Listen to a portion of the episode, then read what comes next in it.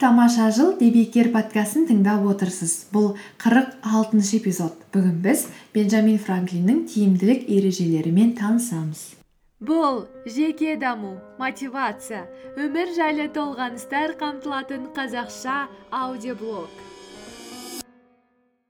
Бұл күн шуағымен жарыса оянып күнін жаңа идея мен қуанышпен бастағысы келетіндердің қоғамы. Өмір тамаша! Бақытты болу бақытты болу ол біздің таңдауымыз. біздің таңдауымыз. Шоу жүргізушісі талшынды қарсы алыңыздар. Сәлем барлықтарыңызға тамаша жыл подкастына қош келдіңіздер. Егер менің подкастымды бірінші рет тыңдап отырсаңыз онда мені тыңдап көруді шешкеніңізге үлкен рахмет. Біз тамаша жылдықтар біздің отбасымыздың мүшелері күннен күнге өсіп көбейіп келе жатыр. Бұл сондай тамаша. Сондықтан осы жерде бұрыннан бері мені тыңдап және оны өзінің достарына жақындарына барлық таныстарына ұсынып айтып жүрген барлықтарыңызға үлкен үлкен рахмет. Сонымен бүгінгі подкастты бастайық. Егер де бенджамин франклиннің автобиографиясын оқымаған болсақ онда ойлар едік. Сонау екі жыл бұрын өмір сүрген адамның тиімділік ережелерін қазіргі өмірге алып келіп ол туралы талқылаудың қандай қажеті бар деп шынымен де. Қазір жиырма бірінші ғасыр өмір басқа.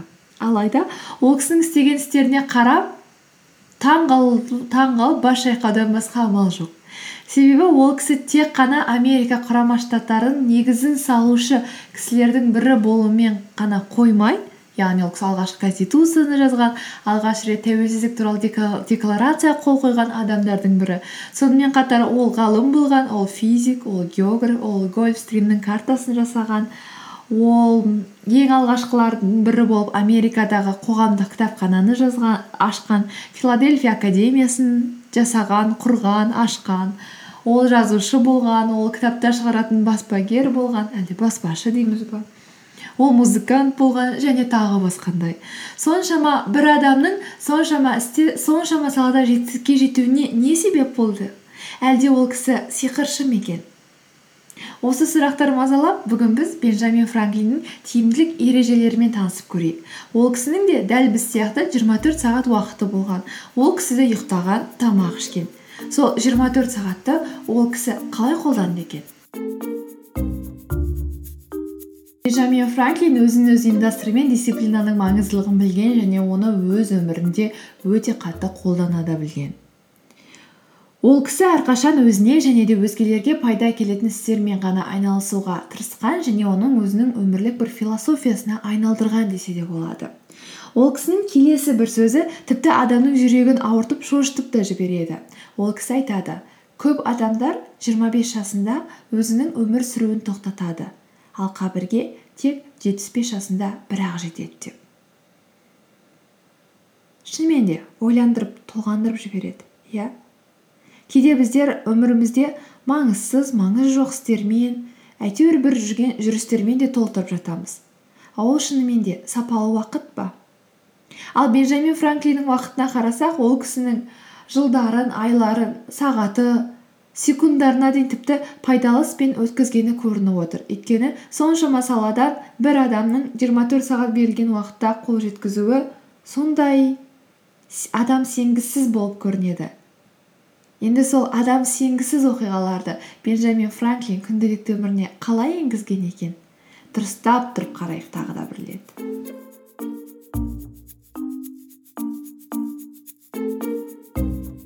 Ең бірінші және негізгі қағидасы ол кісі уақыттың қаншалықты маңызды және де қайтып келмейтін ресурс екенін түсінген. Өтіп кеткен уақытты ешқашан қайтарып ала алмаймыз. Біздің барлығымыз әртүрлі болсақ та біздің қолымызда бірдей ресурс бар ол уақыт. Яғни бүгінгі күнге берілген уақыт. Мүмкін жалпы уақыт көлемі әртүрлі болуы мүмкін алайда егер бір күн өмір сүрсек сол бір күн бәрімізге бірдей берілген. Ол айтады өмірді жақсы көресің бе? Онда уақытыңды босқа жіберме. Өйткені өмір уақыттан құралған деп бәрімізге бірдей сағаттар секундтар қазір өтіп жатса да қаншалықты біз оны тиімді және сапалы қолданып жатырмыз. Сол сапалылықты арттыру үшін франклин өзінің өміріне бірнеше ережелер енгізген. Ол қағидаттардың негізі жалпы бенджамин франклиннің өзінің өмірлік ізденістерінен туындаған. Өмірінің басында ол кісі көп ойланған. Бенджамин франклин болашақта қандай адам болу керек? Яғни оның адамдық образы қандай болу керек деп? Сөйтіп ойлана толғана келе ол өзінің моральдық жағынан толық жетілген идеалды адам болғысы келетіндігін көрген. Және сол идеалды моральдық жағынан жетілген адамға айналу үшін жиырма жасында тізім жасаған. Ол тізім соған жеткізетін он үш қағидам деп айтқан. Ол қағидаға түрлі принциптер енеді. Мәселен қанағаттану яғни тойғанша тамақ ішпеу және өліп мас болғанша ішпеу. Екінші үндемеу. Өзіңе және басқаларға пайда келсе ғана сөйлеу ал бос әңгімелерден бас тарту. Үшінші әр нәрседегі тәртіп. Әрбір заттың өзінің орны болу керек және әрбір іске соған ғана берілген уақыт болу керек. Шешім қабылдау. Тек қана істеу керек заттарыңды ғана істеймін деп шеш. Ал шешсең онда ол затты сылтауратпай істе. Сонымен бірге әр нәрсені үнемдеу. Өзіңе және де басқаларға пайда әкелетін шығындарды ғана жаса. Бостан бос шығынданба. Әділеттілік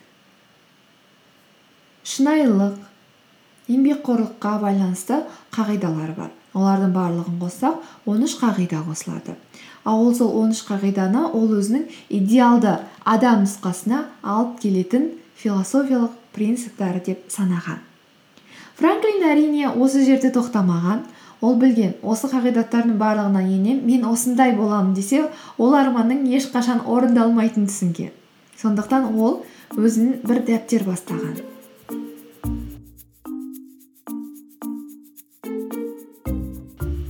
Ол дәптер 13 беттен тұрған және әрбір бетте сол өзінің айтқан 13 философиясын жазған.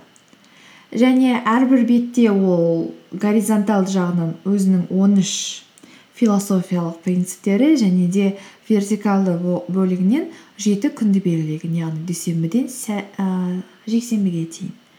Сөйтіп әрбір аптасын яғни әрбір бетін белгілі бір өзінің айтқан қағидаларының біріне арнаған. Біріншіден бастап мысалға үнемдеу.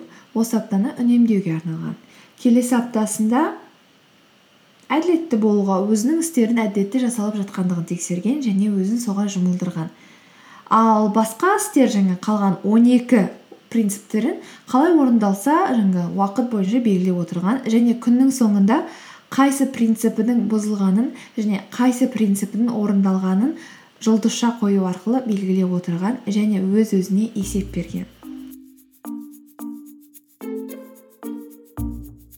Сонда көретініміз бенджамин франклин өзінің алдына үлкен моральдық жетілген идеалды тұлға деген сондай абстрактты мақсаттың өзін ұсақ ұсақ бөлшектерге бөліп оны майдалап әрбір аптаға бөліп және әрбір аптада өзіне қажетті бір қасиетті бойына сіңіре отырып қалған қасиеттерді бірге ала жүрген. Сол арқылы ол өзінің сол адам болуға деген ықтималдылығын болу ықтималдылығын арттырған.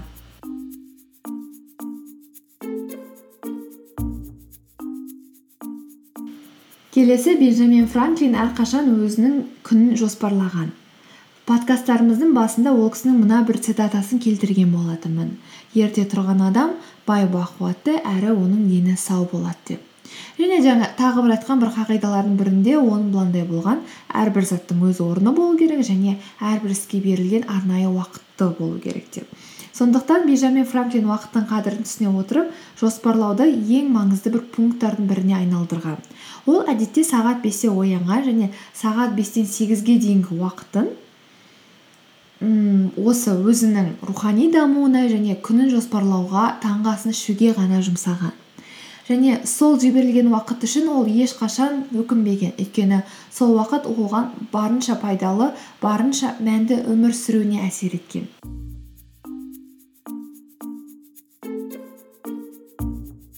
Кеш тұрған адам өзінің күні бойы істеу керек ісін әзер әзер бітіру үшін күні бойы жүгіруі керек деп айтқан.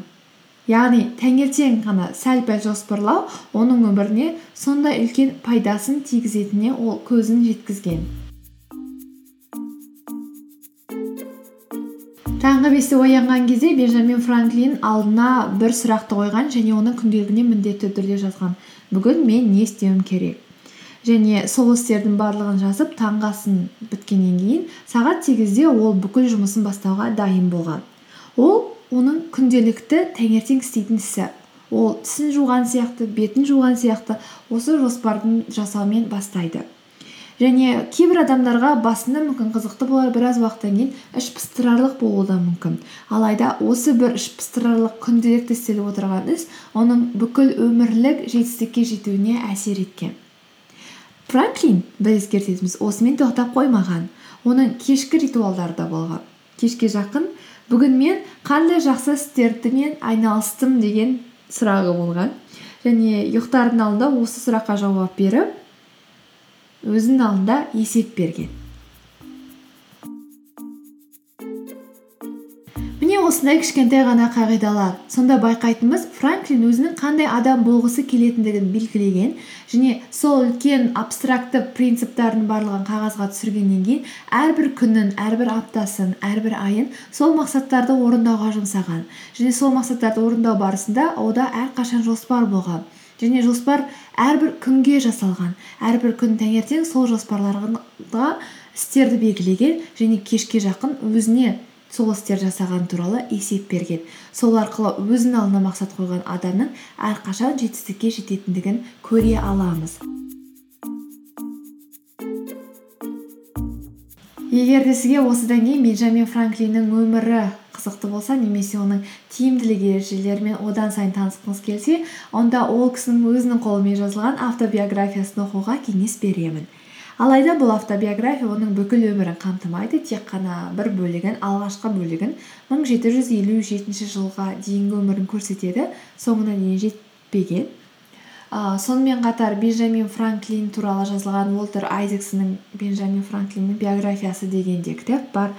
Ыыы менің ойымша ол кісі өзінің қолымен жазылған автобиографиясы қызық және де ондағы оқиғалар адамды ынталандыратын және өмірін өзгертетіндей деп кітап деп ойлаймын. Сондықтан міндетті түрде ыыы егер де оқымасаңыз онда оқып шығыңыз. Мен осы екі кітапқа да талшын нүкте ком сайтында сіздерге сілтеме қалдырып кетемін. Сол жерден көшіріп алсаңыздар әрқашан болады кітапты сайттағы пост осы эпизодқа арналған қырық алтыншы эпизодқа арналған посттан таба аласыздар. Тыңдағандарыңызға рахмет. Келесі кездескенше.